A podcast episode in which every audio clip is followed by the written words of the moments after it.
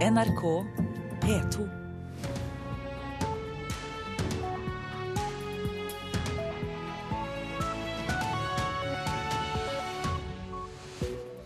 Øystein Heggen ønsker deg velkommen til Nyhetsmorgen. Vi fortsetter med disse sakene.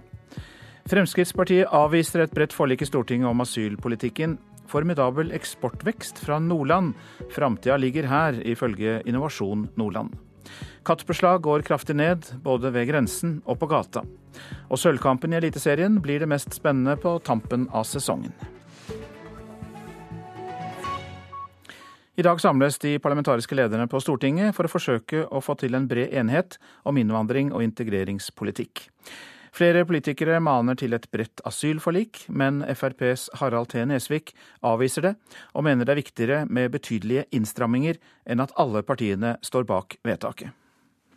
Det som er et mål knytta til fremtida, er å få på plass betydelige innstrammingstiltak Eh, og Da har det ikke med antallet partier å gjøre, men det har med hvilke type tiltak man får på plass. For regjeringspartiene Høyre og Frp vil fredagens tilleggsnummer til statsbudsjettet være utgangspunktet for samtalene på Stortinget i dag. Det inneholder mange innstrammingstiltak som kutt i stønader og velferdsytinger, strengere regler for familiegjenforening, økt bruk av mellombels opphold og raskere returer. SV var raskt ute og avviste dette, og i Klassekampen lørdag advar også tidligere statsminister og KrF-leder Kjell Magne Bondevik mot å gi Frp for stor innflytelse i asylpolitikken. Men ikke alle har piggene ute.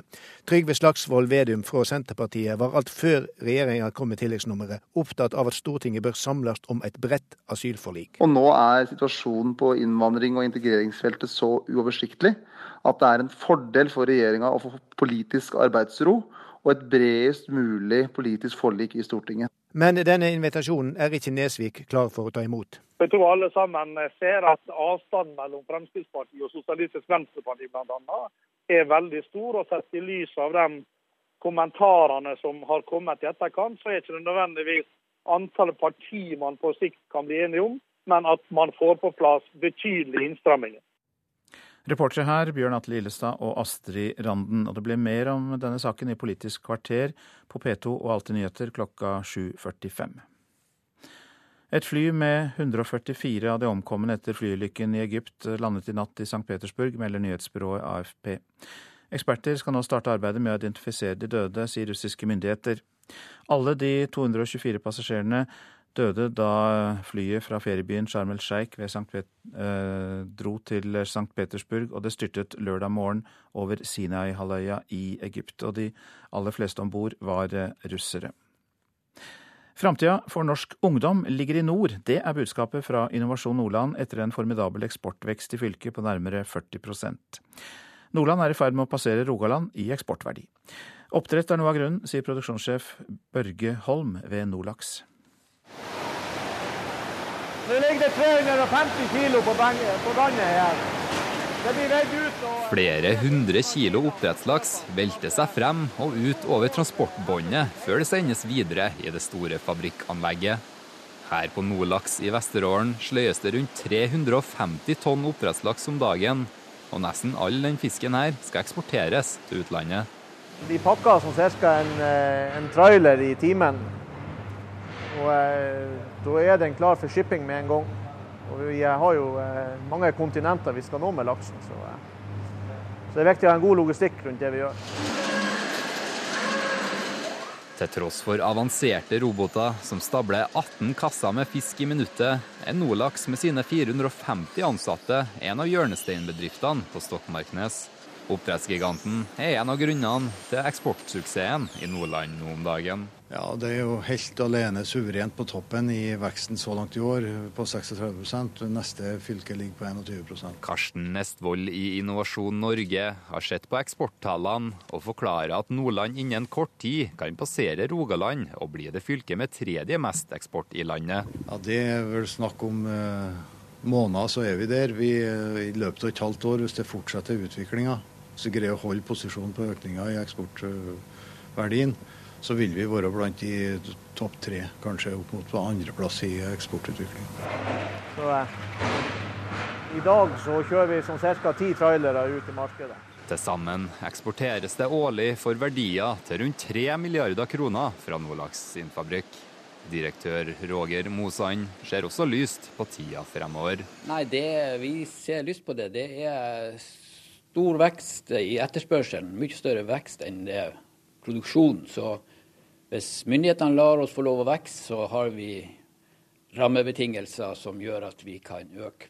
Næringslivet i Nordland er så sammensatt og så spennende og robust med at en har flere fot å stå på. Så jeg tror jeg vil oppfordre ungdommene til å satse på Nordland. Det er plassen for å få seg gode og trygge arbeidsplasser. Den beskjeden fikk vi fra regiondirektør i Innovasjon Norge, Karsten Nestvold. Reporter Benjamin Fredriksen. Bruken av den narkotiske, den narkotiske, planten katt har gått kraftig ned den siste tiden. Norsk-somaliere har vært de største brukerne av stoffet, men ifølge Oslo-politiet har flere i dette miljøet gått over til andre rusmidler. Etter at Nederland og Storbritannia innførte forbud mot katt, har det blitt vanskelig å smugle stoffet til Norge, sier kontorsjef hos tollvesenet ved Oslo lufthavn, Tor Fredriksen.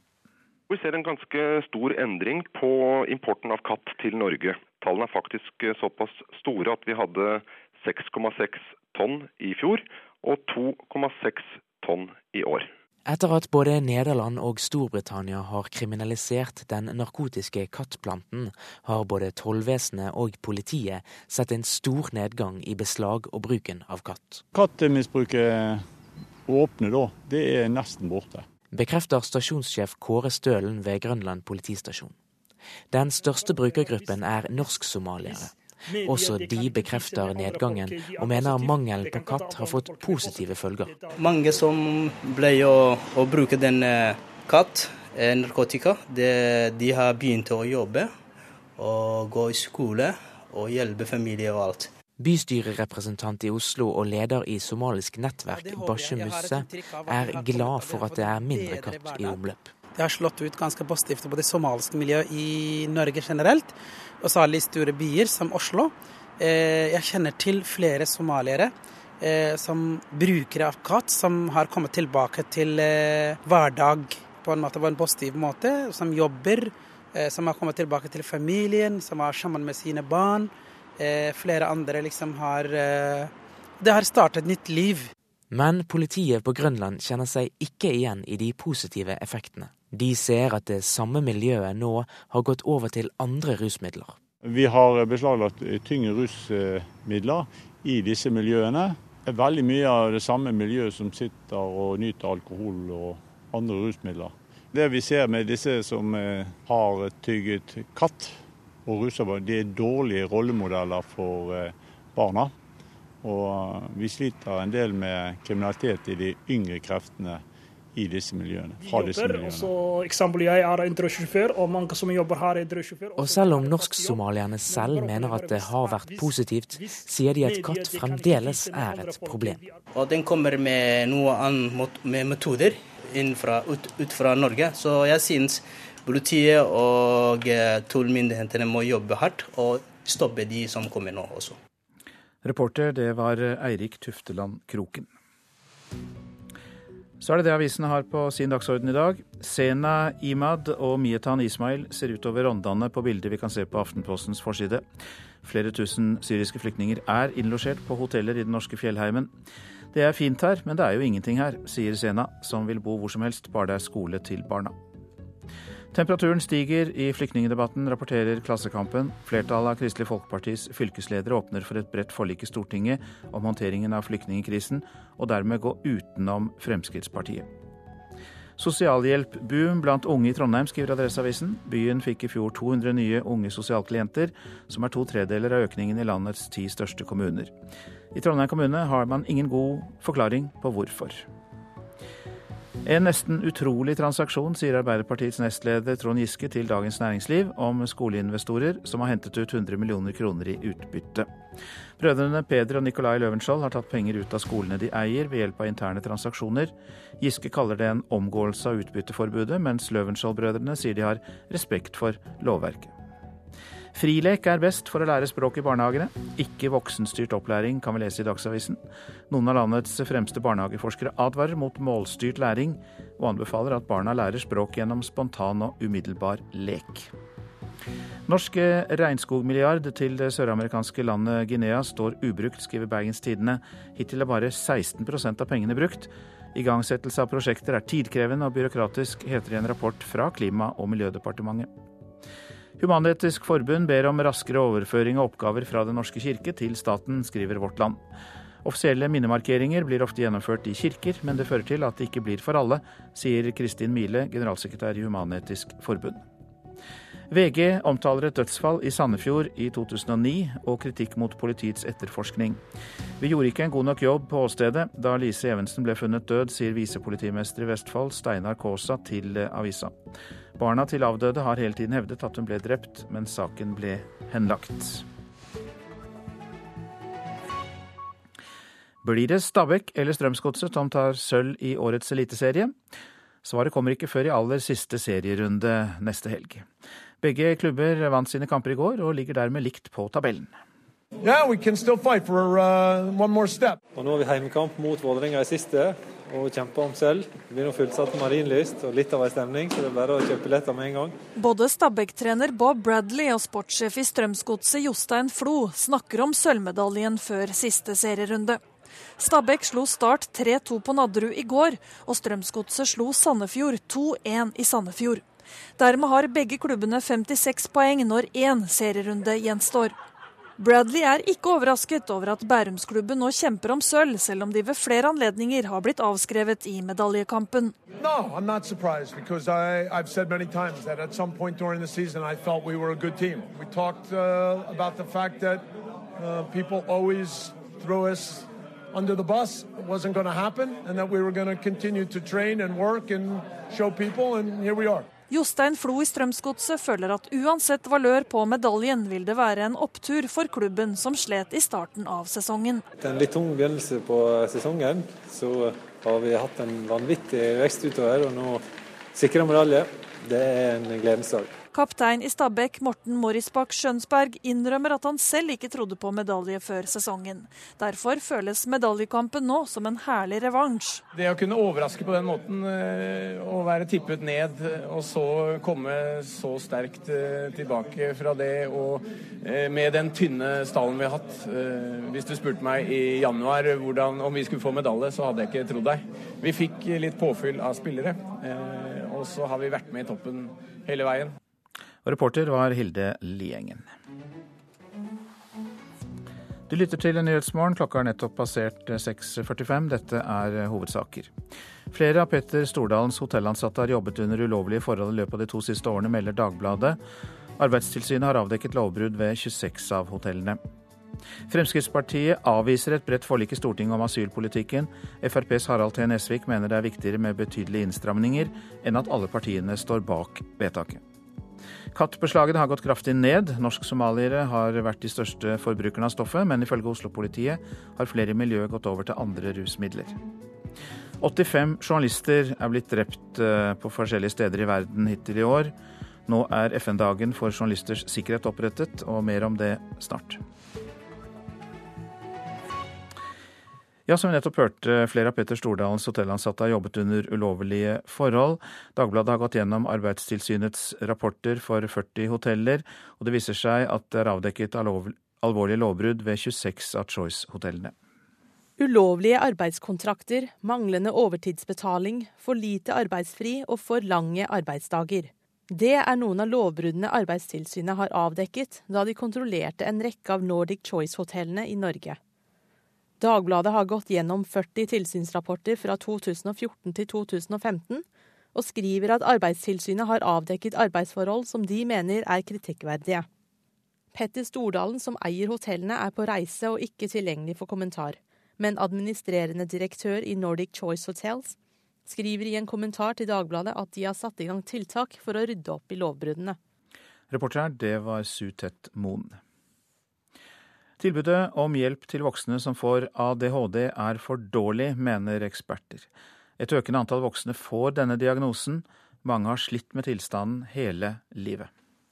Jeg eh, fikk diagnosen for snart et år siden, desember 2014. Da falt en del på plass. Jeg fikk mye mer forståelse for hvordan ting har vært i oppveksten og sosialt. og hvordan jeg har det i dag. Elisabeth Tonning var eleven som satt og så ut vinduet, ukonsentrert og vimsete. Mesteparten av undervisningen gikk henne hus forbi. Noe var galt, men ikke på papiret. Fikk alltid beskjed om at du kan bedre, du må stå på. Dette, dette kan du jobbe litt hardere. Ja. Først langt opp i 30-årene fikk hun diagnosen ADHD. Hun er del av et økende antall voksne som får denne diagnosen. Ifølge foreningen ADHD Norge har vel 120 000 nordmenn tilstanden. Blant de et økende antall voksne kvinner og menn. Disse blir ofte oppdaget etter at barna deres får diagnosen. Men det er store forskjeller i hjelpen denne gruppen får. I hovedsak så er det jo bare ett behandlingstilbud som gis, og det er medisinering. Det sier Gry Lunde, generalsekretær i foreningen ADHD Norge. Ifølge Reseptregisteret har bruken av ADHD-medisinen Ritalin økt kraftig det siste tiåret. Men behovet for psykologhjelp og mer informasjon er stort, og et slikt tilbud er det tilfeldig om man får, sier hun. Lunde etterlyser nå et bedre tilbud for voksne med ADHD. Det er jo en sånn myte om at fengslene er fulle av uh, mennesker med ADHD som på en måte ikke har fått hjelp, og det er jo en viss sannhet i det. Jeg tenker at den gevinsten man får ved å være oppmerksom på den gruppa her og gi dem et tilbud, den vil være ganske stor. Det er lite målrettet da. Det sier Mats Fredriksen. Han er psykiater og overlege ved sykehuset i Vestfold, og blant de fremste ekspertene på ADHD i Norge. Også han sier voksne med diagnosen burde fått mer informasjon og hjelp. Økt innsikt om egen tilstand gjør mulighetene bedre da for tilpasning. Jeg er veldig distré og ufokusert. Jeg går rundt med 10 000 tanker oppi hodet. Elisabeth Tonning fra Bergen kom seg gjennom videregående, men videre studier klarte hun ikke gjennomføre. Det ble mange vanskelige år, men vendepunktet kom for vel ett år siden. Etter grundige utredninger og godt opp i 30-årene fikk tobarnsmoren diagnosen ADHD. Det ga henne svar på mye, men for henne var ikke resept på Ritalin nok. Hun ønsket mer hjelp og informasjon. Sjøl har jeg ordna meg med en samtalepartner, en psykiatrisk sykepleier på avdeling for psykisk helse i, bydelen. Hva syns du om det tilbudet som finnes for voksne som får diagnosen? Jeg syns det er dårlig. Det syns jeg. Reporter her, det var eh, Siri Løken. Så langt i år har 85 eh, journalister blitt eh, drept, på verdensbasis altså. Nå er FN-dagen for journalisters sikkerhet opprettet. En rekke store organisasjoner, som Europarådet og Unesco, jobber med tiltak for å, få, for å forhindre drap på journalister. I år så har jeg vært i Syria, Irak og Afghanistan. Og det er i hvert fall tre av de farligste landene i dag å rapportere fra. I et klipperom sitter Anders Sømme Hammer med sin seneste dokumentarfilm. Den prisbelønte frilansjournalisten har sett hva det kan koste å jobbe i konfliktsoner. I Kandahar havnet en afghansk kollega han kjente, i amerikansk militærfengsel. Like etter at han slapp ut, ble han drept. Det var et planlagt attentat. Noen venta på han. Men det er aldri noen som har blitt eh, pågrepet eller straffet for det mordet. Han var en veldig pågående journalist som hadde gjort mye som veldig mange andre journalister vegrer seg for, fordi risikoen var så høy. Og det gikk ikke da i lengden. Så han, han ble drept på gata. De siste 10-15 årene så har det vært mellom 100 og 150 journalister hvert eneste år som som blir drept. Det sier Trond Idås, som leder Unesco-kommisjonens ekspertgruppe for journalistsikkerhet. Hittil i år er 85 journalister blitt tatt livet av, men året er ikke over, påpeker han. Det vi ser, er at det er en nær sammenheng mellom eh, ytringsfrihet, informasjonsfrihet, pressefrihet og de andre menneskerettighetene. Altså De landene hvor, eh, hvor du har frie og uavhengige medier, så du også, står også menneskerettighetene for befolkningen sterkt.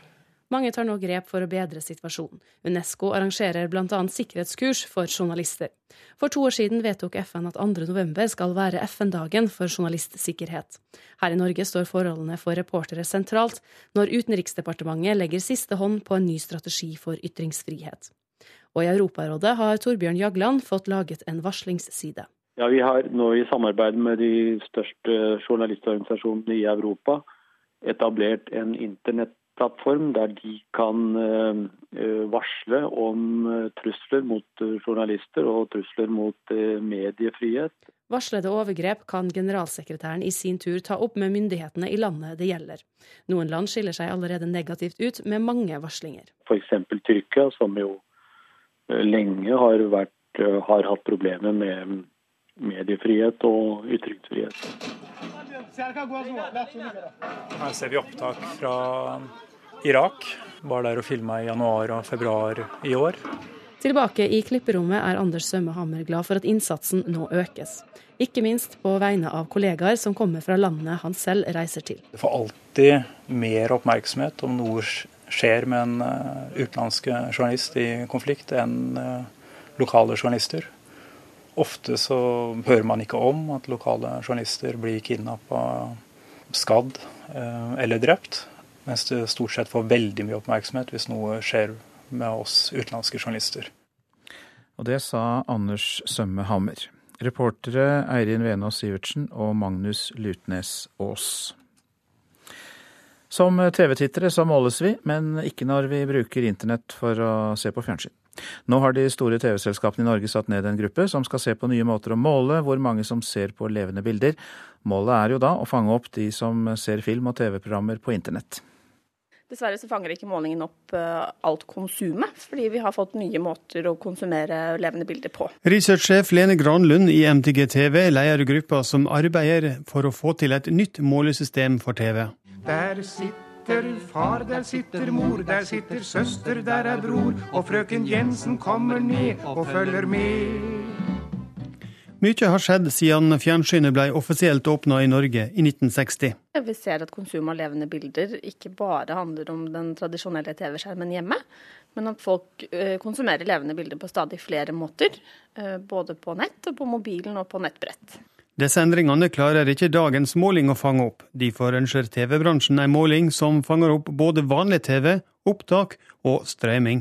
Eh, målet er at vi skal måle alt konsum av levende bilder på alle plattformer og til enhver tid.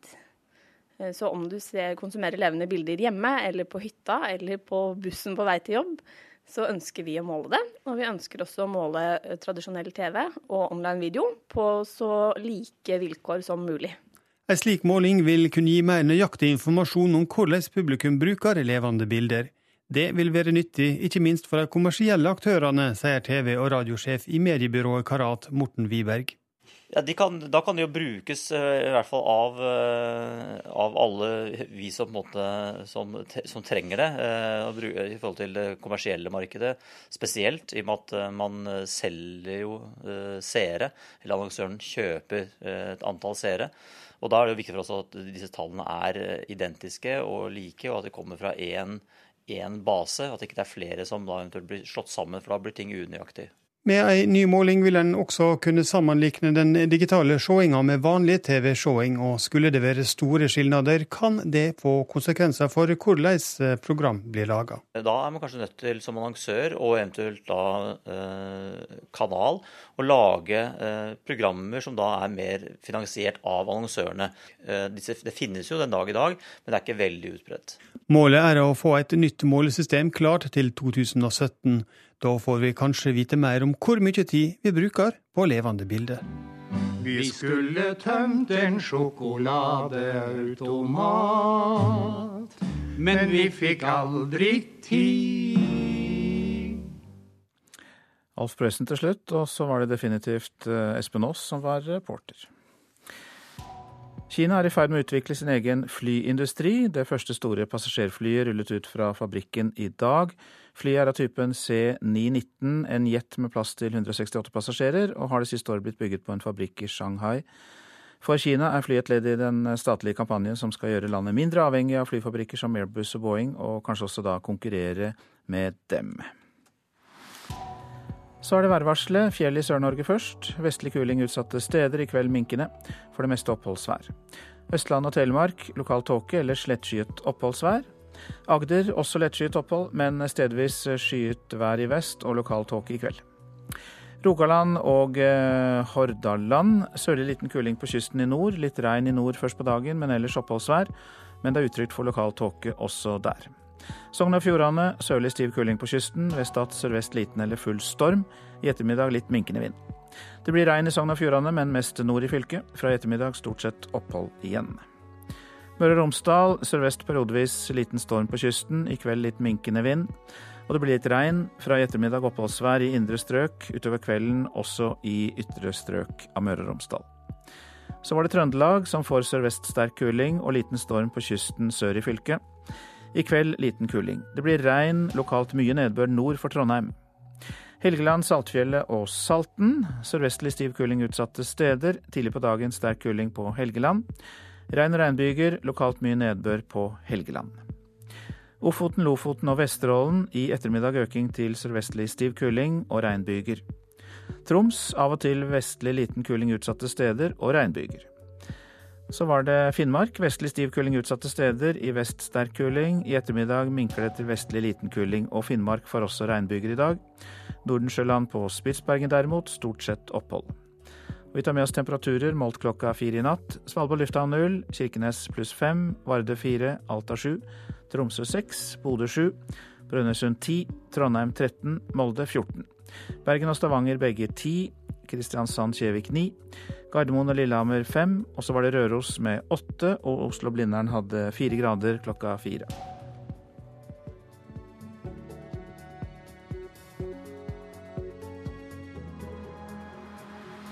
NRK P2.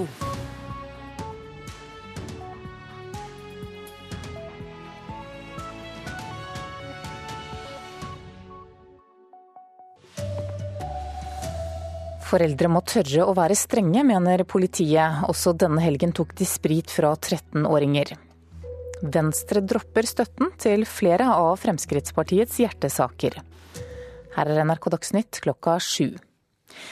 Foreldre må si nei til mindreårige ungdommer som vil feste og drikke alkohol. Det mener både politiet og organisasjonen Voksne for barn. Den siste uken har politiet i Asker og Bærum kritisert foreldre for ikke å følge med på hva mindreårige ungdommer gjør på fest. Og denne helgen så møtte politiet nok en gang fulle 15-åringer og beslagla sprit fra barn på 13 år. Bjørberg, er dere oppi der nå, eller? Vi er oppe her nå. Det eh, ligger folk rødt rundt. Ja. Sånn 16-17 Det er lørdag kveld, og klokka er snart midnatt. Ungdomspatruljen til Asker og Bærum-politiet er ute. Politikollegaer i Oslo melder om en fest med mange mindreårige ungdommer. Igjen så er det veldig skummelt av meg å si at foreldre er for slappe, fordi det mener jeg ikke. eh, Og det tror jeg ikke. Men at det er fort gjort å bli litt, eh, i mangel av bedre ord, litt naiv, det tror jeg er veldig fort gjort. Ja, reporter var Ellen Omland. Fra fredag er det trolig slutt på at politiet bærer våpen, det sier kilder i Politidirektoratet til Dagbladet. Årsaken er at Politiets sikkerhetstjeneste mener det er mindre sannsynlig at Norge blir rammet av et terrorangrep. Den generelle bevæpningen ble innført i november i fjor. Venstre vil ikke lenger støtte flere av Fremskrittspartiets hjertesaker i sitt alternative budsjett for neste år. Venstre vil verken støtte løftet om å fjerne bomstasjoner eller det økonomiske løftet for pensjonistpar. Terje Breivik, finanspolitisk talsmann i Venstre, sier det er for mange andre viktige ting å bruke pengene på. Vi er veldig forsiktige med å prioritere, prioritere ting som fører til store, nye, faste faste utgifter i statsbudsjettet. Eh, Nå er det utrolig viktig å bruke, bruke pengene på ting som sikrer sysselsetting, verdiskaping, hjelpe næringslivet til omstilling. Det sa Terje Breivik i Venstre. Et fly med 144 av de omkomne etter flyulykken i Egypt landet i natt i St. Petersburg. Det melder nyhetsbyrået AFP. Eksperter skal nå starte arbeidet med å identifisere de døde, sier russiske myndigheter. Alle de 224 menneskene mistet livet da flyet som var på vei fra feriebyen Sharm el Sheikh til St. Petersburg i Russland styrtet i Egypt lørdag morgen. Og de aller fleste om bord var russere. NRK Dagsnytt, Anne Jetlund Hansen.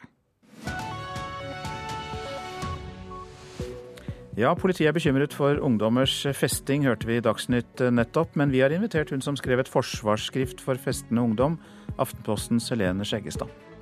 Nav ber arbeidsministeren om mer fleksibilitet for å få flere flyktninger i jobb. Landet, eh, landet, valgte stabilitet, sier Tyrkias president Recep Tayyip Erdogan. AK-partiet har igjen fått rent flertall i parlamentet. Og krisemøte om tysk asylpolitikk, sterk uenighet innad i koalisjonsregjeringen. Ja, som vi hørte i Dagsnytt, så mener både politiet og organisasjonen Voksne for barn at foreldre må tørre å være strenge og si nei når mindreårige ungdommer fester og drikker alkohol. Den siste uka har politiet i Asker og Bærum kritisert foreldre for ikke å følge med på hva mindreårige ungdommer gjør på fest. I helgen møtte politiet nok en gang fulle 15-åringer, beslagla alkohol fra 13-åringer, og uten at foreldrene visste hva barna holdt på med. Bjørberg, er dere oppi der nå, eller? Oppi her nå, det eh, ligger folk strødd rundt. Ja. Sånn 16-17 Det er lørdag kveld, og klokka er snart midnatt. Ungdomspatruljen til Asker og Bærum-politiet er ute. Politikollegaer i Oslo melder om en fest med mange mindreårige ungdommer. De vil ha hjelp. Så da forter vi oss innover der. Langt inne i skogen mellom Oslo og Bærum har eldre ungdommer leid en gård. 15-, 16-, 17-åringer er invitert. I Skjena sitter en dame her oppe hvor foreldrene nå er på vei taxi fra Lysaker. Ja, perfekt. Uh, vi passer på at hun har pust og puls her oppe, liksom. Det er såpass, ja. Men eh, burde vi varsla en ambulanse oppover her, eller? Hvis foreldra kommer, så Ja, men jeg tenker, Det er ikke noen flere caser vi har liggende Ikke som vi veit. Så vi driver og søker litt i teigen rundt her. Men folk ligger jo og har eh, frivillig eller ufrivillig samleie eller hva det er for noe. Ja. Det er litt sånn Ungdommene er åpenlyst fulle, og politiet mistenker at det røykes hasj. Hei, hvor gamle er dere? 16, ja. Hvordan skal dere komme dere hjem i dag, da? Hentet. Vet mamma og pappa at dere er her, da? Ja. Når blir dere hentet? Halv tre? Du er 16 år og dere blir hentet to og halv tre på en fest innerst i Sørkedalen. Den siste uka har politiet i Asker og Bærum kritisert foreldre for ikke å følge godt nok med på hva barna gjør. En Twitter-melding forrige uke skapte debatt. Denne helgen har ikke blitt bedre, mener Christian Bjørberg i ungdomspatruljen i Asker og Bærum politidistrikt. Det er, det er liksom en forventning, det er en så, så klar del av eh, det å liksom være på fest da, for en 14-15-åring, at man skal drikke for mange. Og det syns jeg er litt skremmende. Nå snakka jeg med kollegaene fra Oslo også, at de akkurat hadde funnet da, en ung jente som lå under stabburet her. Eh, hadde lagt seg til der. Jostein i ungdomsavsnittet ved Majorstua politistasjon peker med en lommelykt mot en falleferdig bygning. Det er mørkt, gjørmete, vått og kaldt. Jenta er tatt hånd om i politibilen. Under stabburet. Lå midt under stabburet, så måtte krabbe inn og få ut. Dette var én enkelt fest, men tidligere på kvelden beslagla politiet med NRK på slep sprit fra 13 år gamle gutter som gikk gatelangs. En 15 år gammel gutt blir tatt med hasj på togstasjonen. Det er en grunn til at det er 18-årsgrense. Det handler om å utsette debut og, og, konsum av alkohol så lenge som mulig. Sier generalsekretær i organisasjonen Voksne for barn, Randi Talseth. For det første så er det å erkjenne at ungdom tester ut og vil alltid prøve ut uh, nye situasjoner. Sånn at uh, man må være forberedt på å ikke være naiv i forhold til at kanskje ungdommen din kommer full hjem. Men det betyr ikke at du skal godta at dette er greit. I politibilen. Den 15 år gamle jenta som ble funnet sovende ute, blir kjørt hjem. Moren hadde selv drukket to glass vin.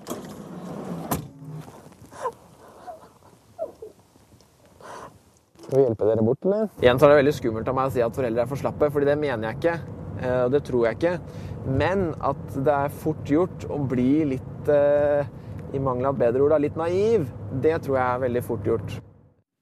Denne reportasjen var laget av Ellen Omland. Og god morgen, Helene Skjeggestad. God morgen. Du er kommentator i Aftenposten og har skrevet det du kaller et forsvarsskrift for festende ungdom. Etter det vi har hørt her, hvorfor i all verden skal du forsvare dem? Ja, det kan du si. Og det er jo ingen som syns det er OK å høre om 15-åringer som har lagt seg under et eh, stabbord og drukket seg farlig fulle. Eh, det jeg reagerte på, var måten politiet gikk ut. Eh, jeg tenkte først og fremst at hjemme alene-fester er neppe noe som er spesielt for Oslo vest. Dette finnes over hele landet. Men kanskje mer alvorlig, jeg syns måten det ble presentert på var lite konstruktivt for å snakke skikkelig med ungdom om, eh, om alkohol. Hva var det politiet gjorde som ikke var konstruktivt, da? Nei, altså jeg tenker på, altså De gikk ut med veldig store bokstaver og, og kjørte rett og slett alle ned i skyttergravene. Eh, debatten etterpå og de tilbakemeldingene vi fikk på den journalistikken vi lagde, var rett og slett at ungdom følte seg veldig stigmatisert, og, politi, og foreldrene følte seg veldig beskyldt. Eh, og dette sto tilbake igjen på politiet, og det ble rett og slett et dårlig klima av det. Men skal vi slutte å moralisere at eh, politiet også skal slutte å oppsøke ungdomsfester? Nei, ikke nødvendigvis. Men eh, det, det er veldig bra at vi har et politi som bryr seg. Det mener jeg virkelig. Men samtidig så er det viktig å huske på De eneste tallene vi har er et par år gamle, men de viser jo at ungdom drikker mindre enn før. Og det er rett og slett andre problemer som er større i ungdomsgenerasjonen akkurat nå. Vi mottar daglig brev fra ungdom som snakker om et helt enormt press på alle mulige arenaer. De skal være best på skolen, de skal være best i mote, de skal være best i sport. Og de stresser seg rett og slett syke. Så akkurat her så tror jeg vi må være litt eh, Holbergs og spørre, eh, ikke bare konstatere at Jeppe drikker, men spørre hvorfor Jeppe drikker, og ta utgangspunktet der. Hvilke reaksjoner har du fått på denne artikkelen? Ja, Det har vært veldig delt. Eh, hvem skulle tro at det var så eh, kontroversielt å ta dagens ungdom i, i forsvar? Jeg har fått eh, mange som mener at jeg rett og slett har lyst til å sende med en brennevinsflaske på alle mellom 13 og 17 år. Det er selvfølgelig ikke sånn. Eh, men så har jeg òg fått mye positive tilbakemeldinger fra ungdom som takker for at, eh, at noen nyanserer bildet, da. Ja, Du stiller deg litt eh, til for hogg, da, for du skriver jo også i artikkelen at du har testet grenser selv. Ja, Hvordan da? Ja, uten tvil. Jeg kommer fra Sandnes. Det er ikke akkurat eh, et sted der man er ukjent med, med alkohol. Og jeg testa grenser, men jeg hadde foreldre som våga å sette grenser. Eh, Fram til jeg var 17 år, så hadde jeg innetid på halv tolv. Og jeg tenker jo når jeg hører reportasjen på en innetid på halv tre for en 16-åring eh, i helgen, er kanskje ikke den beste grensen å sette. Mange takk skal du ha, Helene Skjeggestad, som er kommentator i eh, Aftenposten. Nav ber arbeidsministeren om mer fleksibilitet for å få flere i jobb. Det er mange gode ideer i Norge som eh, ikke står i regelboken, mener lærer Liv Søreid Kleppaker, som gjør helsefagarbeidere av flyktninger. Hun jobber ved Firda videregående skole på Sandane i Sogn og Fjordane, og blir rørt når hun tenker på årets eksamen. Elevene fikk firere, femmere og seksere i karakter. Det var bare helt fantastisk. Nå blir du helt blank i øynene? Ja, jeg blir nesten helt blank. Ja, du skulle ha sett meg den dagen. Den dagen eksamen var. Jeg holdt på å gå ut av mitt gode skinn. Jeg syns det var så kjekt. Ja, jeg eh, skal bli helsefagarbeider. Binem Kidane fra Eritrea var en av de fremmedspråklige som fikk karakteren seks da andreklasse i helsefag tok eksamen på Firda videregående skole i Sogn og Fjordane i år. Det blir eh, en god resultat på praksistida. Han har garantert lærlingeplass i kommunen, og det er også unikt i helsefagprosjektet Nav-sjef Øyvind Hervik i Gloppen satte i gang. Stort sett flyktninger som hadde gått gjennom introduksjonsprogram, eller var i et introduksjonsprogram de sleit med å få fast jobb i kommunen vår. Nå er det inne siste året. Og eh, når vi tok eh, eksamensresultatene og så på dem, så har hele klassen fått fire, fem eller seks. Og alle har fått seg deltidsstillinger i kommunen. Det er kalt en suksess. Men i utgangspunktet passer ikke jobbtiltaket til Nav-reglene. Vi i Nav vi ønsker jo å være med på eh, tiltak som, eh, som gir resultat. Eh, men så har vi en arbeidsmarkedsforskrift som regulerer det vi gjør og det vi kan tilby. Og vi skulle ønske oss større fleksibilitet i den. Og mer midler som ikke var bundet til å kunne samarbeide med fylkeskommunen, kommunene, privat næringsliv for å få gode kvalifiseringsløp. Nav-leder Hervik i Gloppen ber politikerne endre reglene. Jeg ønsker at vi Nav får muligheten til å være med og delfinansiere videregående opplæring. for denne gruppa her. For det vi ser er jo at eh, behovet for formell kompetanse blir jo bare større og større. Kunnskapsdirektør Yngvar Aasholt i Nav erkjenner problemene. Så jeg tror ingen sitter på de gode svarene fullt ut. Vi har f.eks. invitert inn en del forskere til et eh, frokostmøte for å tenke litt sånn utenfor boksen, tenke nytt. Hva vil dette bety? Se de store linjene. Og jeg tror at vi må ta oss den tiden, tenke grundig gjennom eh, det som møter oss, før vi kommer med de faste svarene på eh, hva som må gjøres. Men at vi er nødt til å tenke annerledes, det er det liten tvil om. Nav-ledelsen har nå bedt arbeidsministeren om mer fleksible regler. Ja, Nå blir det jo en diskusjon på hvordan vi skal innrette denne politikken og hvilket ansvar Nav skal ha. Men når vi kommer inn i selve sysselsettingssituasjonen og hjelper folk som ikke ellers får jobb, inn i jobb, da må vi tenke kreativt rundt de virkemidlene vi skal bruke. Vi tar imot alle forslag til hvordan ting kan gjøres enklere, og føler at det er godt klima for å kunne spille det inn også politisk, hvis vi trenger endringer i lov eller forskrift. Denne reportasjen var laget av Hedvig Bjørgum. Kristian Tronstad, god morgen til deg. Du er forsker ved Norsk institutt for by- og regionforskning, NIBR, og du har jobbet med forsket på introduksjonsprogrammet for uh, flyktninger. Uh, og ut ifra de uh, funnene du har, hva kan gjøres bedre? Det vi ser er jo at det er veldig stor variasjon i resultater mellom innvandrergrupper, flyktninggrupper, men også store resultater mellom kommunene. Og Det vi ser som er gode suksesskriterier, det er noe av det som vi hørte her fra Gloppen, det er at det skjer tett oppfølging av deltakere i introduksjonsprogram. Det er god kontakt med lokalt næringsliv som etterspør kompetanse.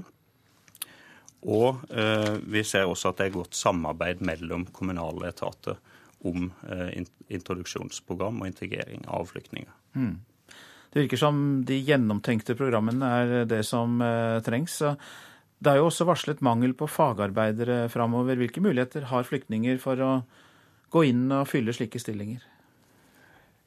Nei, det er klart at Framover vil det være behov for uh, helsefagarbeidere. Andre typer fagopplæringer vil det etterspørres i større grad. Og, og de flyktningene som kommer nå, har jo mulighet til å følge, fylle den slags type jobber.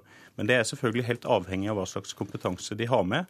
Foreløpig så vet vi ganske lite om kompetansen til de flyktningene som nå kommer til Norge. Mm. Så, så det er litt uvisst ennå. Så der må man eh, åpenbart da granske den kompetansen for å komme videre med dem. Eh, vi hørte jo den lokale Nav-lederen i Gloppen si at flyktningene må hjelpes til å ta fag på videregående også. Hvor viktig er å, å få en norsk videregående utdanning for flyktninger, eller noen av dem? Altså Det vi ser når vi analyserer introduksjonsprogrammet, er at det å gå i videregående opplæring er et ganske lite brukt tiltak. Eh, det vi hører på denne reportasjen, er jo at det er noe som kanskje kunne vært brukt i mye større grad eh, enn det det har vært eh, til nå. Og så har vi jo da et eksempel fra Gloppen eller flere da, som viser at flyktningene ikke fikk jobb gjennom de tradisjonelle introduksjonsprogrammene. og Det, det har jo du kommentert på nå, hvilke alternativer vi kan ha til dem. Men er, det, er, det, typisk at de tradisjonelle programmene ikke alltid uh, treffer blink? Ja, og noe av det handler nok om at terskelen for å komme inn i det norske arbeidslivet er ganske høyt. Sånn at selv, selv med eh, norskopplæring og eh, arbeidsretta tiltak, så kan eh, lista for å komme inn være for høy for mange av de flyktningene som kommer nå. Mange takk skal du ha, Kristian Tronstad, som altså er forsker ved NIBR, Norsk institutt for by- og regionforskning. Det er Nyhetsmorgen du lytter til, og klokka den nærmer seg 7.17. Dette er eh, hovedsaker. Vi har hørt at politiet i Asker og Bærum kritiserer foreldre for ikke å følge med på hva mindreårige ungdommer gjør på fest. Fra fredag er det trolig slutt på at politiet bærer våpen. Det sier kilder i Politidirektoratet til Dagbladet. Årsaken er Politiets sikkerhetstjeneste, som mener det er mindre sannsynlig at Norge blir rammet av terrorangrep. Flere av Petter Stordalens hotellansatte jobber under ulovlige forhold i løpet av de to siste årene. Det melder Dagbladet. Det er eh, avdekket lovbrudd ved 26 av hotellene av Arbeidstilsynet. I Tyrkia oppsummerer president Recep Tayyip Erdogan valgseieren i går med at landet har valgt stabilitet. AK-partiet har igjen skaffet seg rent flertall i parlamentet. Det går mot ettpartiregjering, og så er spørsmålet hvordan presidenten og partiet og regjeringen vil bruke sin nye maktposisjon. Korrespondent Kristin Solberg, du er med oss fra Istanbul. og det har jo særlig vært håndteringen av den kurdiske opposisjonen, og ikke minst den militante opposisjonen i PKK, det har knyttet seg spenning til i det siste. Og vi hører om uro i Diyarbakir, eh, en eh, by i det kurdiske området. Hvordan er situasjonen der? Ja, I Diyarbakir har det vært eh, demonstrasjoner i går kveld. De ble møtt med tåregass og vannkanoner av politiet. Og Det er nok et tegn på, på, det at en av de største utfordringene for denne, for denne nye regjeringen er den avbrutte fredsprosessen med PKK og, og den spente situasjonen da med, med, mange kurdere. Og For mange i de kurdiske områdene så ikke dette, blir ikke dette sett på som et legitimt valg. Det legitime valget var eh, valget i juni. Eh, da fikk det prokurdiske partiet HDP 13 av stemmene, og AKP fikk ikke nok stemmer til å danne flertallsregjering for første gang på 13 år. Og mange der ser på dette nyvalget som vi så i går, som et resultat av at president Erdogan ikke kunne akseptere valgresultatet fra, fra juni. Og ved dette valget så, så vi jo da at den prokurdiske opposisjonspartiet HDP fikk langt færre, færre, stemmer, så det kan bli vanskelig å svelge for, for mange der. Ja, men nå har altså da det sittende partiet, AK-partiet, som da eh, er Erdogans parti, kan vi si, sikret seg eh, et eh, flertall. Hva er det sannsynlig at de vil bruke det til? Ja, AKP-partiet har, har, sikret seg nesten 50% av stemmene. De har fått 319 19 plasser i eh, nasjonalforsamlingen. Det er nok til å styre alene med, med god margin. Eh, for, for, Erdogans støttespillere så betyr det stabilitet. At, eh, at landet blir tatt trygt ut av uroen og turbulensen vi har sett siden forrige valg.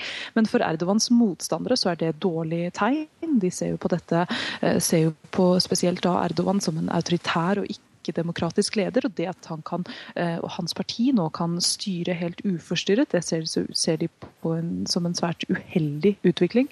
Men flertallsregjering er ikke det eneste Erdogan har ønsket seg. Han har også ønsket seg grunnlovsendringer for å gi seg selv som president mer makt. Valgresultatet i går er ikke alene nok til å ta grunnlovsendringene til en folkeavstemning. Men Erdogan har nok ikke gitt opp den drømmen, og kanskje kommer det noen politiske hestehandlere, hestehandlere og, eh, eller andre muligheter for, for at han skal klare å ta dette til en folkeavstemning.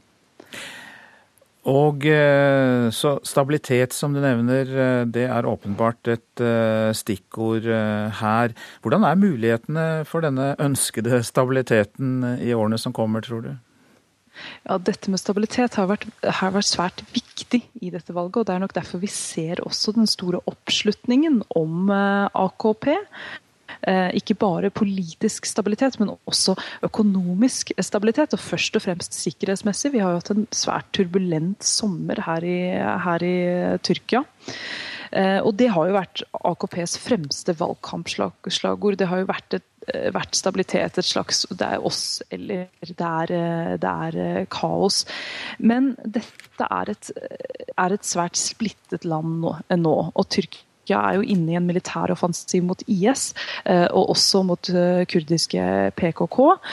Eh, og landet er splittet både politisk, sekterisk og etnisk. Og den dype splittelsen leges nok ikke av dette resultatet. Og det gjør nok heller ikke mange av Tyrkias problemer. Så vi kommer antagelig til å se mer uro i tiden framover. Mange takk skal du ha, korrespondent Kristin Solberg, som var med oss fra Istanbul. Den tyske regjeringen har denne helgen hatt krisemøte om landets asylpolitikk. Regjeringspartiene er svært uenige om hvordan de skal takle det rekordhøye antall asylsøkere som nå kommer. Særlig vekker forslaget om å opprette egne transittsoner for asylsøkere heftig debatt. Disse såkalte transittsonene er egal hvordan man det verbremt. Eh, eh, Disse transittsonene er, uansett hvordan man snur og vender på det, interneringsleire. De er tvilsomme med tanke på folkeretten.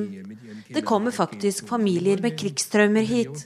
Og så skal vi putte dem i interneringsleire? sier stedfortredende fraksjonssjef for Sosialdemokratene, Ralf Stegner, til TV-stasjonen ARD. Det sosialdemokratiske partiet er sterkt kritisk til regjeringspartnerne sine CDU og CSU, som ønsker å opprette transittsoner for asylsøkerne langs grensa. I disse transittsonene er ideen at man allerede der skal kunne sortere ut de migrantene som ikke har krav på beskyttelse. Mens det sosialdemokratiske partiet mener dette vil føre til at man får store forvaringssentre i ingenmannsland, er CDU og CSU sterkt uenige, og viser til at også ledelsen hos Sosialdemokratene etterlyser asyltiltak. Sowohl äh, Sigmar Gabriel als auch äh, Frank-Walter Steinmeier haben noch vor zwei Wochen im Spiegel geschrieben, man müsse das Mögliche tun. Både Sigmar Gabriel og Frank-Walter Steinmeier skrev i Spiegel for to uker siden at man må gjøre det som er mulig for å sørge for at det kommer færre asylsøkere. Så kjære sosialdemokrater, la oss gjøre det som er mulig for å begrense antallet, sier CDUs Jens Spahn til ARD. Det er altså full uenighet i den tyske regjeringen om den praktiske veien videre i asylpolitikken. For selv om CDU og CSU er enige om transittsoner, er de sterkt uenige om andre spørsmål. Bl.a. om man skal innføre en øvre grense for hvor mange asylsøkere Tyskland skal ta imot, og også om innstramninger når det gjelder familiegjenforening. Helgens krisemøte her i Berlin førte altså ikke til enighet, og nå skal partene møtes igjen på torsdag. I mellomtiden kommer det stadig flere asylsøkere over den tyske grensa. Guri Nordstrøm, Berlin. Nå til avisene her hjemme. Zena Imad og Mietan Ismail ser utover Rondane på det bildet vi kan se på Aftenpostens forside i dag. Flere tusen syriske flyktninger er innlosjert på hoteller i den norske fjellheimen. Det er fint her, men det er jo ingenting her, sier Zena, som vil bo hvor som helst i Norge bare det er skole til barna. Temperaturen stiger i flyktningdebatten, rapporterer Klassekampen. Flertallet av eh, Kristelig Folkepartis fylkesledere åpner for et bredt forlik i Stortinget om håndteringen av flyktningkrisen, og dermed gå utenom Fremskrittspartiet. Sosialhjelpboom blant unge i Trondheim, skriver Adresseavisen. Byen fikk i fjor 200 nye sosialklienter, som er unge altså, og det er to tredeler av økningen i landets ti største kommuner. I Trondheim kommune har man ikke noe godt svar på hvorfor. En nesten utrolig transaksjon, sier Arbeiderpartiets nestleder Trond Giske til Dagens Næringsliv om skoleinvestorer som har hentet ut 100 millioner kroner i utbytte. Brødrene Peder og Nicolai Løvenskiold har tatt penger ut av skolene de eier ved hjelp av interne transaksjoner. Giske kaller det en omgåelse av utbytteforbudet, mens Løvenskiold-brødrene sier de har respekt for lovverket. Frilek er best for å lære språk i barnehagene, ikke voksenstyrt opplæring. Det kan vi lese i Dagsavisen. Noen av landets fremste barnehageforskere advarer mot målstyrt læring, og anbefaler at barna lærer språk gjennom spontan og umiddelbar lek. Norsk regnskogmilliard til det søramerikanske landet Guinea står ubrukt, skriver Bergens Tidende. Hittil er bare 15% av pengene brukt. Igangsettelsen av prosjekter er tidkrevende og byråkratisk, heter det i en rapport fra departementet. I dag åpner Norges nye supersykehus i Østfold, med en prislapp på over 6 milliarder kroner. For første gang i Norden tilbys absolutt alle pasienter enerom, og en helt ny måte å tenke sykehus på er det også. Her har vi alltid akuttutstyr som vi trenger til en pasient som eh, ja, i løpet av de første eh, minuttene, egentlig, så kan vi flytte den vogna til den dårlige pasienten. Lars Petter Møller er intensivsykepleier på det splitter nye sykehuset, som tar i bruk nye og moderne løsninger når det åpner i dag. Det er eh, helt fantastisk, syns vi. da. Det er å flytte inn i nye lokaler hvor vi får eh, orden i eget hus med en, en fantastisk logistikk. og det er egentlig vanskelig å sette ord på det, hvor fint det blir. Peder Hoem har trent opp til ansatte som skal ta imot pasientene med de største skadene på akuttmottaket. Det blir jo hele logistikken rundt. at Her var vi muligheter til å ta imot to eh, traumer på samme, samme sted f.eks. En her og en ved siden av der, på den andre plassen. Over 6 milliarder kroner er brukt på det nye sykehuset på 85 000 kvadratmeter på Kalnes.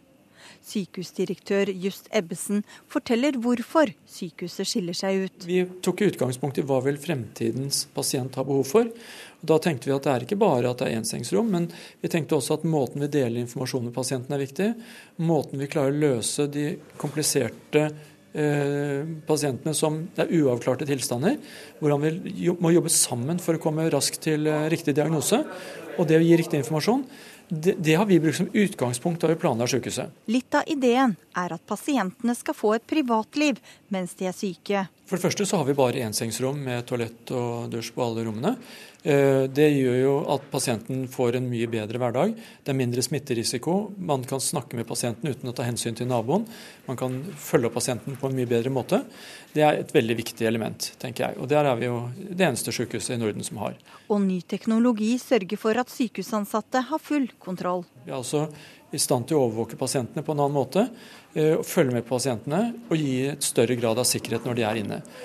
Og Det tredje er at eh, medarbeiderne blir satt i stand til å diskutere pasientene på en annen måte. Informasjonen tilflyter medarbeiderne mye raskere enn det har gjort i andre sykehus. Eh, og det gjør at vi kan stille diagnosene raskere, vi kan ta konsekvensene av endringer raskere. Og ikke minst så kan vi jobbe tverrfaglig og ta vare på pasienten mer som en helhet enn at vi stykker opp pasienten i biter. Jeg er jo veldig spente nå, da, alle mann, tror jeg. Som, som vi ser, det er en sånn maurtue rundt omkring. Alle gleder seg, og alle er litt spente. Ja, vi ser veldig positivt på dette her. Og det var eh, Lars eh, Petter Møller du hørte til slutt der. Reporter var eh, Anette Torjussen. Du lytter altså til Nyhetsmorgen, og produsent i dag er Ingvild Ryssdal. Her i studio, Øystein Heggen. Etter Dagsnytt skal vi til den russiske delrepublikken Tatarstan, der muslimene er i flertall. Putin frykter ekstremisme i Tatarstan. Vår reporter har lett etter den. Flyktninger er tema for debatten i Politisk kvarter mellom Høyre, Arbeiderpartiet og SV, dvs. Si Trond Helleland, Hadia Tajik og Audun Lysbakken. Firkantede regler hindrer folk i å komme seg raskt ut i jobb, sier Nav. Det er avdekket ulovlige arbeidsforhold ved flere av hotellene til Petter Stordalen. Foreldre må tørre å si nei, mener politiet. Også denne helgen tok de sprit fra 13-åringer. Her er NRK Dagsnytt klokka 7.30 ved Anne Jetlund Hansen. Nav vil ha mer fleksible regler for å få flere ut i jobb. Bl.a. ber lokale Nav-kontor politikerne om lov til å finansiere videregående opplæring for flyktninger. Lærer Liv Søreide Kleppaker ved Firda videregående skole har svært gode erfaringer med å utdanne flyktninger til helsefagarbeidere. Det var bare helt fantastisk. Nå blir du helt blank i øynene? Ja, jeg blir nesten helt blank. Jeg, du skulle ha sett meg den dagen. den dagen eksamen var. Jeg holdt på å gå ut om mitt gode skinn. Jeg syns det var så kjekt. Ja, jeg eh, skal bli helsefagarbeider. Binem Kidane fra Eritrea var en av de fremmedspråklige som fikk karakteren seks da andreklasse i helsefag tok eksamen på Firda videregående skole i Sogn og Fjordane i år. Det blir eh, en god resultat på praksistida. Han har garantert lærlingeplass i kommunen, og det er også unikt i helsefagprosjektet Nav-sjef Øyvind Hervik i Gloppen satte i gang. Stort sett flyktninger som hadde gått gjennom introduksjonsprogram, eller var i et introduksjonsprogram. De sleit med å få fast jobb. Vi i Nav vi ønsker jo å være med på tiltak som gir resultat. Det er kalt en suksess, men i utgangspunktet passer ikke jobbtiltaket til Nav-reglene. Nav-leder Hervik i Gloppen ber politikerne endre reglene. Så har vi en arbeidsmarkedsforskrift som regulerer det vi gjør. Vi skulle ønske oss større fleksibilitet i den. Jeg ønsker at vi i Nav får muligheten til å være med og delfinansiere videregående opplæring for denne gruppa her. Kunnskapsdirektør Yngvar Aasholt i Nav erkjenner problemene. Nav-ledelsen har nå bedt arbeidsministeren om mer fleksible regler. Det er godt klima for å kunne spille det inn også politisk, hvis vi trenger endringer i lov eller forskrift. Reporter her, det var Hedvig Bjørgum. Flere av Petter Stordalens hotellansatte har jobbet under ulovlige forhold i løpet av de to siste årene, det skriver Dagbladet. Avisen har gått gjennom Arbeidstilsynets rapporter for 40 Choice-hoteller, og de viser at det er avdekket alvorlige lovbrudd ved 26 av hotellene. Ulovlige arbeidskontrakter, manglende overtidsbetaling, lite arbeidsfri og for lange arbeidsdager. Flere av Petter Stordalens hotellansatte har jobbet under ulovlige forhold i løpet av de to siste årene, melder Dagbladet. Arbeidstilsynet har avdekket en rekke alvorlige lovbrudd da de kontrollerte 40 Nordic Choice-hoteller i Norge.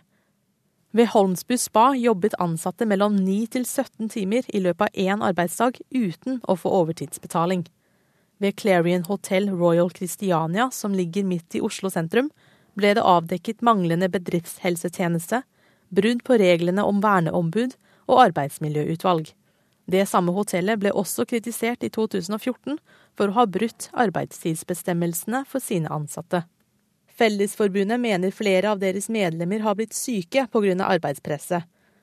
Petter Stordalen, som eier hotellene, er på reise og ikke tilgjengelig for kommentar. Men administrerende direktør i Nordic Choice Hotels skriver i en kommentar til Dagbladet at de har satt i gang tiltak for å rydde opp i lovbruddene. Og reporter her, det var Su Tett Monn. I Tyrkia har president Recep Tajip Erdogan fått rent flertall i parlamentet etter valget i går, og dermed kan partiet hans danne regjering alene. Det knytter seg nå spenning til hvordan han vil utnytte denne posisjonen. Korrespondent Kristin Solberg sier at folket i Tyrkia ønsker seg mer stabilitet, noe som har vært AKPs fremste slagord i valgkampen. Ja, dette med stabilitet har vært, har vært, svært viktig i dette valget. og Det er nok derfor vi ser også den store oppslutningen om eh, AKP. Eh, ikke bare politisk stabilitet, men også økonomisk stabilitet. Og først og fremst sikkerhetsmessig. Vi har jo hatt en svært turbulent sommer her i, her i Tyrkia. Eh, og det har jo vært AKPs fremste valgkampslagord. Det har jo vært, et, eh, vært stabilitet, et slags Det er oss eller det er, eh, det er kaos. Men dette er et, er et svært splittet land nå. Den dype splittelsen leges nok ikke av dette resultatet. Og det gjør nok heller ikke mange av, Tyrkias problemer. Så vi kommer antagelig til å se mer uro i, i tiden framover. Det sa Kristin Solberg. Et fly med 144 av de omkomne i flyulykken i Egypt landet i natt i St. Petersburg. Det melder nyhetsbyrået AFP. Eksperter skal nå starte arbeidet med å identifisere de døde, sier russiske myndigheter. Alle de 224 som var om bord, mistet livet da flyet styrtet i Egypt lørdag morgen, og de aller fleste var eh, russere. I dag samles de parlamentariske lederne på Stortinget for å forsøke å få til en bred enighet om innvandrings- og integreringspolitikken. Flere partier vil jobbe for å få til et bredt forlik. Men Harald T. Nesvik fra Fremskrittspartiet mener at det er viktigere med store innstramninger enn at alle partiene står bak vedtaket. Det som er et mål eh, knytta til fremtida, er å få på plass betydelige innstrammingstiltak. Eh, og Da har det ikke med antallet partier å gjøre, men det har med hvilke type tiltak man får på plass. For regjeringspartiene Høyre og Frp vil fredagens tilleggsnummer til statsbudsjettet være utgangspunktet for samtalene på Stortinget i dag. Det inneholder mange innstrammingstiltak som kutt i stønader og velferdsytinger, strengere regler for familiegjenforening, økt bruk av mellombels opphold og raskere returer. SV var raskt ute og avviste dette, og i Klassekampen lørdag advar også tidligere statsminister og KrF-leder Kjell Magne Bondevik mot å gi Frp for stor innflytelse i asylpolitikken. Men ikke alle har piggene ute. Trygve Slagsvold Vedum fra Senterpartiet var alt før regjeringa kom med tilleggsnummeret, opptatt av at Stortinget bør samles om et bredt asylforlik. Og nå er situasjonen på innvandring og integreringsfeltet så uoversiktlig at det er en fordel for regjeringa å få politisk arbeidsro og et bredest mulig politisk forlik i Stortinget. Men denne invitasjonen er ikke Nesvik klar for å ta imot. Jeg tror alle sammen ser at avstanden mellom Fremskrittspartiet og Sosialistisk Venstreparti bl.a. er veldig stor. og Sett i lys av de kommentarene som har kommet i etterkant, så er ikke det nødvendigvis antallet partier man på sikt kan bli enige om, men at man får på plass betydelige innstramminger. Reportere var Bjørn Atle Gildestad og Astrid Randen. Og det blir mer om denne saken i Politisk kvarter klokka 7.45. Fra fredag så er det trolig slutt på at politiet bærer våpen. Det sier kilder i Politidirektoratet til Dagbladet. Årsaken er at Politiets sikkerhetstjeneste mener det er mindre sannsynlig at Norge blir rammet av et terrorangrep. Den generelle bevæpningen ble innført i november i fjor. Foreldre må tørre å være strenge når mindreårige ungdommer fester og drikker alkohol. Det mener både politiet og organisasjonen Voksne for barn. Den siste uken har politiet i Asker og Bærum kritisert foreldre for ikke å følge med på hva mindreårige ungdommer gjør på fest. Og i helgen så møtte politiet nok en gang fulle 15-åringer og beslagla alkohol fra barn helt ned i 13 år. Bjørberg, er dere oppi der nå, eller? Vi her nå. Det eh, ligger folk rett rundt. Det er lørdag kveld, og klokka er snart midnatt. Ungdomspatruljen til Asker og Bærum-politiet er ute. Politikollegaer i Oslo melder om en fest med mange mindreårige ungdommer. De vil ha hjelp. Så da forter vi oss innover der. Langt inne i skogen mellom Oslo og Bærum har eldre ungdommer leid en gård. 15-, 16-, 17-åringer er invitert. Du sitter en dame her oppe hvor foreldrene nå er på vei taxi fra Lysaker. Ja, perfekt. Uh, vi passer på at hun har pustepuls her oppe, liksom. Det er såpass, ja. Ungdommene er åpenlyst fulle, og politiet mistenker at det røykes hasj. Hei, hvor gamle er dere? Når blir dere hentet? Halv tre? Du er 16 år og dere blir hentet to og halv tre på en fest innerst i Sørkedalen. Den siste uka har politiet i Asker og Bærum kritisert foreldre for ikke å følge godt nok med på hva barna gjør. Denne helgen har ikke blitt bedre, mener Christian Bjørberg i ungdomspatruljen i Asker og Bærum politidistrikt. Det er, det er liksom en forventning, det er en så, så klar del av eh, det å liksom være på fest da, for en 14-15-åring, at man skal drikke for mange. Det er en grunn til at det er 18-årsgrense. Det handler om å utsette debut og, og konsum av alkohol så lenge som mulig sier generalsekretær i organisasjonen Voksne for barn, Randi Talseth. For det første så er det å erkjenne at ungdom tester ut og vil alltid prøve ut eh, nye situasjoner. Sånn at eh, man må være forberedt på og ikke være naiv i forhold til at kanskje ungdommen din kommer full hjem. Men det betyr ikke at du skal godta at dette er greit. Og reporter her, det var Ellen Omland. Ansvarlig for NRK Dagsnytt var Sven Gullvåg.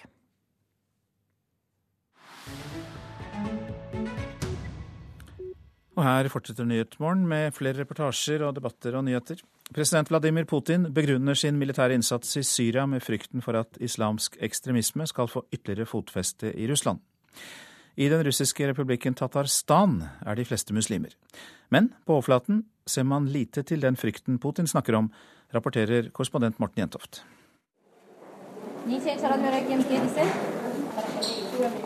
Det er søndag formiddag på det store markedet i sentrum av Kazan, millionbyen ved Volga, som også er hovedstad i Tatarstan, en republikk med nærmere fire millioner innbyggere.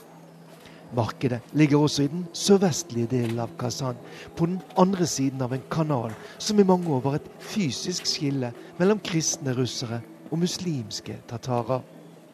Kazan er en spennende by. Her stikker tårnene fra store, vakre russisk-ortodokse kirker opp, sammen med hvite minareter.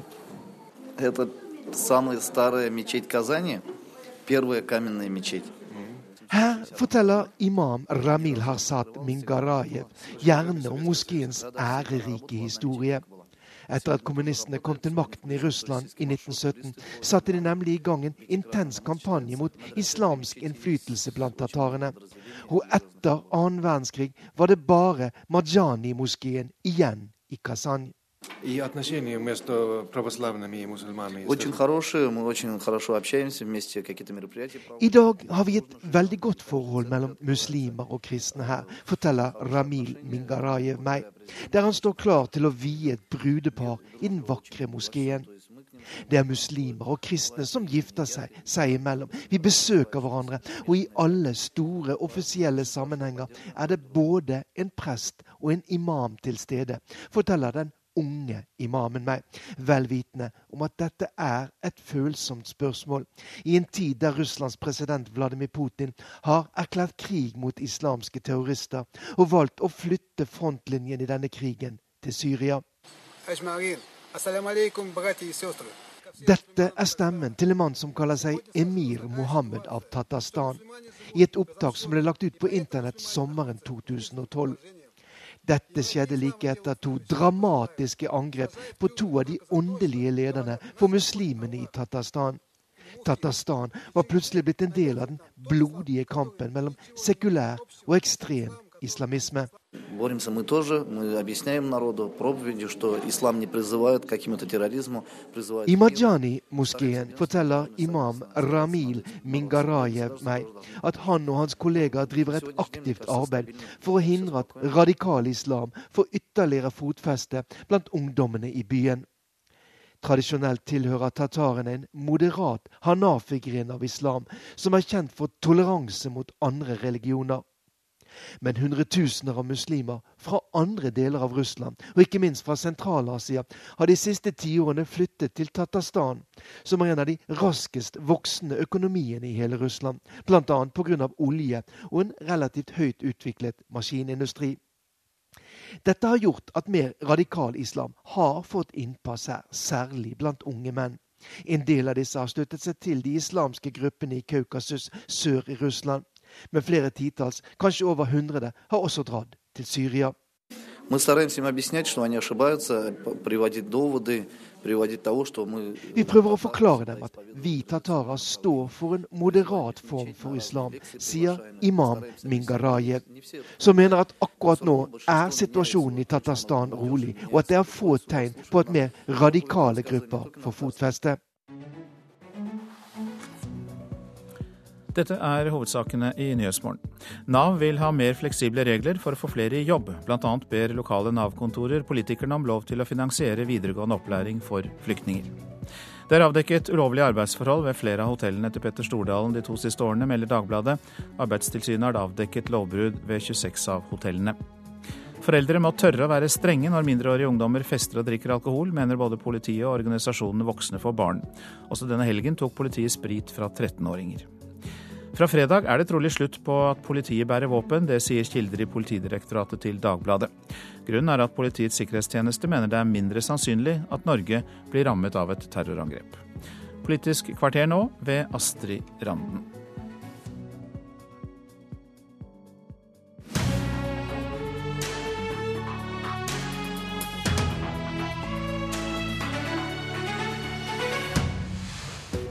Kan det bli et bredt forlik blant partiene på Stortinget om et så konfliktfylt område som norsk asylpolitikk?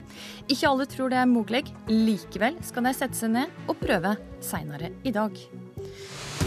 God morgen og vel møtt til Politisk kvarter. Parlamentarisk leder i Høyre, Trond Helleland, med oss fra studiet i Drammen. I ettermiddag har du kalla inn til møte de parlamentariske lederne for å diskutere innvandrings- og integreringspolitikken. Hva er målet ditt med dette møtet?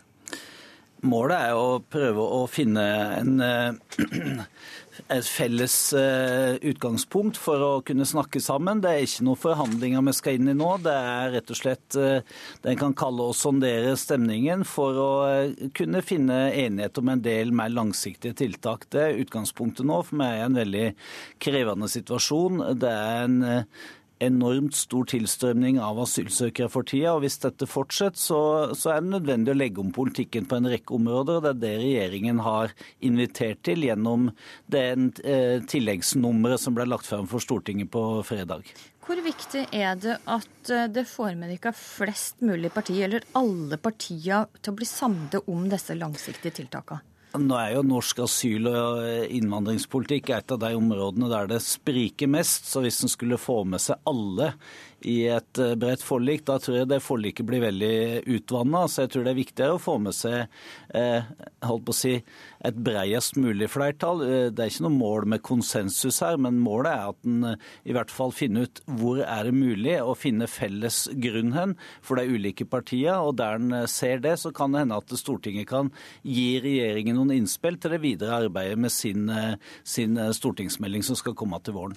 Med Høyre parlamentarisk leder i Frp på radioen tidligere i dag, han sa at det er viktigere å få til innstramminger, ikke at flest mulig parti er med. Er du sammen i dette? Ja, jeg er enig i det. det. Det er klart Vi går ikke inn i disse samtalene med sikte på å legge opp til en mer liberal innvandrings- og asylpolitikk.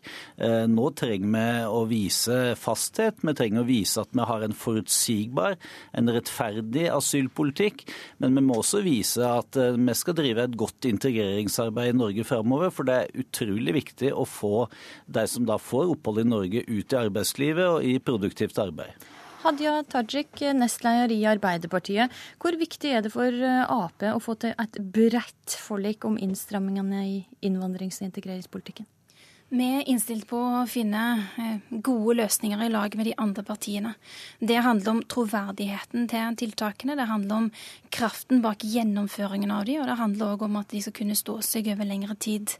Og skal vi klare å lykkes på lang sikt med asyl- og innvandringspolitikken, så er det viktig at vi i denne krevende situasjonen treffer planken nå. Altså at selv om beslutningene som skal tas, nå skal tas eh, raskere kanskje enn vanlig, så må det være kloke valg. Så er det jo også sånn at eh, Arbeiderpartiet er jo ikke en del av budsjettavtalen som regjeringen har med Kristelig Folkeparti og Venstre. Det betyr at på noen områder så vil nok vi finne andre inndekninger til tiltakene enn det regjeringen gjør, og samarbeidspartiene deres kanskje gjør. Men det som er viktig, er å klare å lande tiltak som det er breiest mulig enighet om at dette ikke blir en arena for politisk mm. Audun Lysbakken, eh, leder i SV. Hva skal til for at ditt parti går med på innstrammingstiltakene som regjeringa la fram fredag? Jeg ser jo frem til å snakke med regjeringspartiene, men jeg tror Trond Helleland vet at både SV og flere andre partier i Stortinget ikke kommer til å gå inn for alle de innstrammingstiltakene. og Derfor er jo en av de tingene jeg ser frem til å få eh, avklart, det er hva vi skal diskutere. Eh, både hva regjeringspartiene ønsker å ha breie samtaler om, og om begge regjeringspartiene står bak invitasjonen. For vi har hørt ganske andre signaler fra Frp de siste dagene. Men, eh, ok, men den kan vi jo ta med Helleland med en gang. Lysbakken veit ikke helt hvor det skal snakke snakke om på dette møtet, og vet ikke helt om Frp faktisk er med? Eh, punkt én, eh, hvem eh, sendte ut mailen? Jo, det var jeg som sendte ut mailen, men det var to som undertegna, nemlig Harald Tom Nesvik og Trond Nelleland, så dette står vi sammen om. Hva vi skal snakke om, det blir litt opp til de parlamentariske lederne. For vi har fått flere signaler fra andre partier i Stortinget som har ønska brede samtaler, deriblant Arbeiderpartiet og Senterpartiet, som har sagt at de er innstilt på å diskutere dette med sikte på å finne et bredest mulig flertall på Stortinget for langvarige tiltak, eller tiltak som får effekt framover. Og jeg syns det kanskje er noe av det vi bør diskutere. Hvilke hovedstolper skal vi sette ned, både i forhold til en eh, innvandringspolitikk som er rettferdig, men som er streng, som sørger for rask retur. Vi bør også diskutere de langsiktige tiltakene i integreringspolitikken. Hvordan får vi en best eh, mulig fungerende integreringspolitikk som gjør at folk kan komme ut i arbeid og, og komme inn i det norske samfunnet som skattebetalere. Dette høres jo ut som noe SV kan være med å diskutere. Men likevel så sier du altså at regjeringa har lagt frem tiltak som det ikke kan godta. Hva tiltak er det du snakker om da? Altså, jeg er opptatt av at Hvis vi skal få til en bred enighet, så må det være en enighet som handler om hvordan vi skal gi beskyttelse til de som har behov for beskyttelse, eh, og hvordan vi skal få til en best mulig integrering. Eh, og eh, Da mener jeg det er mye vi kan snakke om. Jeg mener det er behov for å reformere mottakssystemet og bosettingssystemet. Det burde gjøres gjennom brede samtaler. så Sånn sett så ser jeg fram til det. Men det er jo også tiltak regjeringen la fram på fredag som vi mener er helt ødeleggende for integreringen. Altså Hvis, du, hvis målet er at flest mulig skal lære norsk, da kutter kutter du ikke i norskopplæringen i asylmottakene. Hvis målet er at flest mulig skal kunne integrere seg i Norge, da bør du ikke reformere mottakssystemet ved å kutte i de veldig små ytelsene asylsøkerne får. Da bør vi jo heller ta noe av den store profitten som disse mottaksbaronene har fått. Og hvis du ønsker at de barna som nå kommer til Norge skal integreres, ja da kutter du ikke kravene til barnefaglig kompetanse i mottakssenteret for de aller yngste enslige mindreårige asylsøkerne. Det er sånt som bare ødelegger for oss sjøl på sikt, for det gjør integreringen dårligere. Og der må jeg si at jeg er veldig si, negativt overrasket over det regjeringen la fram på fredag. Mm, heller ikke Arbeiderpartiet var særlig begeistra over regjeringa sine forslag på integrering. Vi skal gå grundig gjennom alle forslagene som regjeringen har lagt fram. Men førsteinntrykket vårt er dette at på noen områder så er det enkelt å komme til enighet. F.eks. det som handler om eh, grenser og det at, eh, altså, hvem som kommer til Norge. Hvordan man jobber med rask retur av de som ikke skal være her. Der opplever jeg at regjeringens forslag langt på vei lener seg på det som har vært hovedlinjen i norsk asyl- og innvandringspolitikk de siste årene. Så er det forslag som handler om de som allerede er her. Eh, knytta til kutt i dagpenger, knytta til å øke botidskravet, der regjeringen sier at dette har har en innvandringsregulerende effekt. Der er vi spørrende til den innvandringsregulerende effekten. Vi kan ikke se at det i proposisjonen, i forslaget fra regjeringen, er sannsynliggjort eller dokumentert på noen måte at det har den effekten som de sier. Okay. Så her vil ja, vi gjerne vi... høre hvordan de har tenkt. Ja, Kan vi høre med, med eh, Helleland, hva dokumentasjon har det på effekten? Hva veit det om hvor mange færre som vil komme til Norge hvis det strammer inn på f.eks. familiegjenforening? Vi vet i hvert fall det at eh, hvis du har en eh, strammere holdning til familiegjenforening, så er det mindre attraktivt å komme til Norge.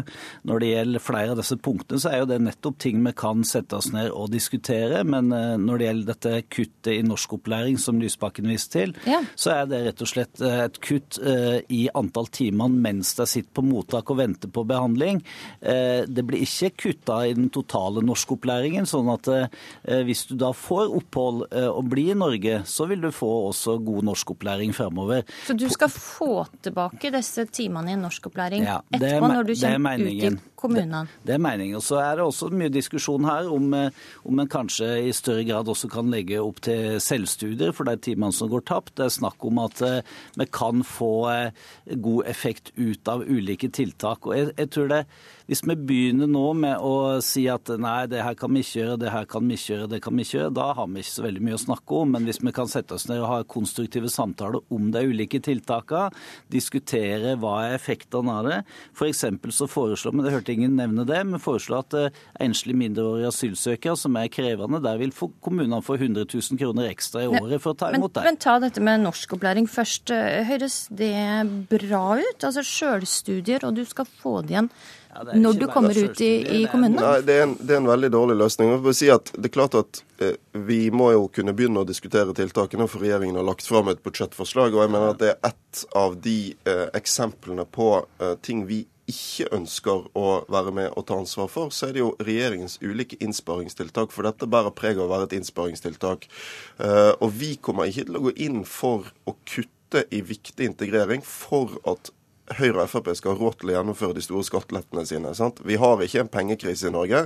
Regjeringen har brukt enormt mye penger på ting som vi ikke trenger. Ok, og do, og da er det, da er også. Hva tenker du om eh, norskopplæringa? Er du mer positivt innstilt til det nå enn du var da du hørte det ble framlagt på fredag? På integreringspolitikken så opplever jeg at forslaget fra regjeringen egentlig er på sitt svakeste. Eh, der eh, ser man få tiltak som raskt får eh, de som kommer til Norge, ut i utdanning, arbeid, deltakelse. Man har fått indikasjoner fra utlendingsmyndighetene om at omtrent 80% av de som sitter på mottak, mest sannsynlig vil få opphold i Norge. Det sier noe om hvor viktig det er at vi på et så tidlig tidspunkt som mulig setter i gang med norskopplæringen i et omfang som sørger for at de raskt blir en del av det norske samfunnet og den norske verdiskapingen. Så på integrering så tror jeg nok at regjeringen har mer å gå på. Jeg kan ikke se at det er hensiktsmessig å kutte f.eks. 75 timer i norskopplæringen der. Når det er okay. sagt, så er det likevel viktig å understreke at vi går inn i disse samtalene med et mål om å bli enige. Vi ser at det er områder vi er enige på, og andre ting som er mer spørrende til, og ting vi er nødt til å diskutere med regjeringen. Ok, Helleland, du Høyre, du får kjeft for integreringsforslaget her. Du, kan du fire på krava? Kan du endre regjeringas politikk her? Jeg begynner ikke med det i Politisk kvarter, i hvert fall. Og det som, ja, som er eh, Nei, det hadde jo vært interessant, det. Men det som er interessant, er jo at vi også gjør en rekke ting på integreringssida for å kartlegge kompetansen hos de som kommer. Allerede mens de sitter i mottak, så vil en da kartlegge kompetansen. Jobbsjansen styrkes. Det er mange ting som eh, gjøres for å kunne finne ut er noen klare til å gå inn i arbeidslivet ganske raskt, så skal vi selvsagt gi dem muligheten til det. Vi må ha et mer differensiert opplegg også for, eh, for de som sitter i mottak. Det er ikke sånn at alle har det samme utgangspunktet. Vi vet at mange asylsøkere kommer hit med god utdanning, med, med en god ballast, mens andre kan være analfabeter. Og Det må vi ta høyde for også integreringspolitikken. Så Det er blant de tingene jeg tror kan bli interessant å diskutere. Hvordan skreddersyr du opplegg best mulig for de ulike gruppene? Jeg, tror, jeg tror at det som det kan bli mest krevende å få til en bred enighet om i Stortinget, det er eh, en del av de innstrammingstiltakene vi har sett som, som, etter mitt syn handler om egentlig å prøve å få flyktninger til å velge nabolandene istedenfor Norge. Eh, og som et eksempel på et sånt svarteperspill vi ikke trenger i Europa. Jeg tror ikke det er bare SV som vil ha problemer med det, men også Venstre, Kristelig Folkeparti, De Grønne, kanskje også Arbeiderpartiet. Men det vi burde bruke tid på, som jeg tror det er stort potensial for å kunne bli enige om, hvis de store partiene vil strekke seg litt, og alle er villige til å gå fra noen kjepphester. Det er jo f.eks. et bedre bosettingssystem. Eh, det vil være vanskelig å få til, tror jeg, uten en eller annen form for bredt forlik. og Derfor så er jeg også veldig jeg understreker det veldig positivt til at Trond Helleland har tatt dette initiativet. Så får vi bruke litt tid på å finne ut hva det er mulig å bli enige om, hva det er ikke mulig å bli enige om. Men det er jo en del viktige ting for integreringen jeg tror det er mulig å bli bredt enige om, selv om vi har ulikt syn på flyktninger flyktningpolitikken. Men når du snakker om et eh, bosettingsforlik, så ønsker SV en helt annen modell enn det både regjeringa og Arbeiderpartiet vil ha? Ja, jeg mener at vi er nødt til både uh, å ha uh, et større, større, grad av statlig ansvar for å få til bosetting. At det ikke skal være noe kommunene kan velge bort som i dag. Og jeg mener også at vi skal åpne opp for en viss grad av selvbosetting.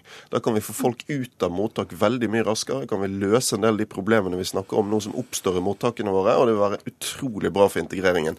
Men det tror jeg kan Arbeiderpartiet bli med å altså, diskutere dette? Jeg tror det er et forslag som eh, det er vanskelig for Arbeiderpartiet og Høyre å gå inn for hver for seg, men som de kanskje kan gå inn for sammen. Så det er typisk eh, Mm. en sak jeg mener hører hjemme i sånne samtaler. Vil det bli med å diskutere dette, Tajik? Det er ikke alt uh, Lysbakken her skisserer som Arbeiderpartiet har uh, ferdig diskutert. Når det gjelder spørsmålet om selvbosetting, så er det noe som Arbeiderpartiet har signalisert veldig tydelig at uh, vi kan være positive til. Men det vi er opptatt av, er at vi ikke skal få de, den situasjonen som man ser i deler av Sverige, der det er deler av de store byene der det er veldig innvandringstungt, der det er få med eh, svensk bakgrunn som bor. Det kan vi ikke se at det er positivt for integreringen. Det betyr at hvis man skulle gått inn for en selvbosettingsmodell i Norge, så må det være sånn at en del eh, områder av landet, en del kommuner, en del byer er unntatt ifra den ordningen. Mm. Helleland, kort til slutt. Det møtes altså til samtaler senere i ettermiddag. Hva skjer videre etter dette? Vil det ha noe tidsfrist for å bli samlet om noe? Eh, Det skal vi diskutere i dag. Dette er det første møtet. Vi har ingen eh, fastlagt agenda. Det er et eh, ønske om å møtes for å snakke om de store utfordringene. Jeg vil understreke at Mm. det Norge står overfor nå Vi har både en gryende arbeidsledighet, vi må jobbe må for å få arbeid og omstilling, samtidig som vi må klare Der å ta denne store utfordringen. Der må jeg avbryte det. Trond Helledan, takk for at du var med i Politisk kvarter. Takk også til Audun Lysbakken og Hadia Tajik. Hør flere podkaster på nrk.no podkast.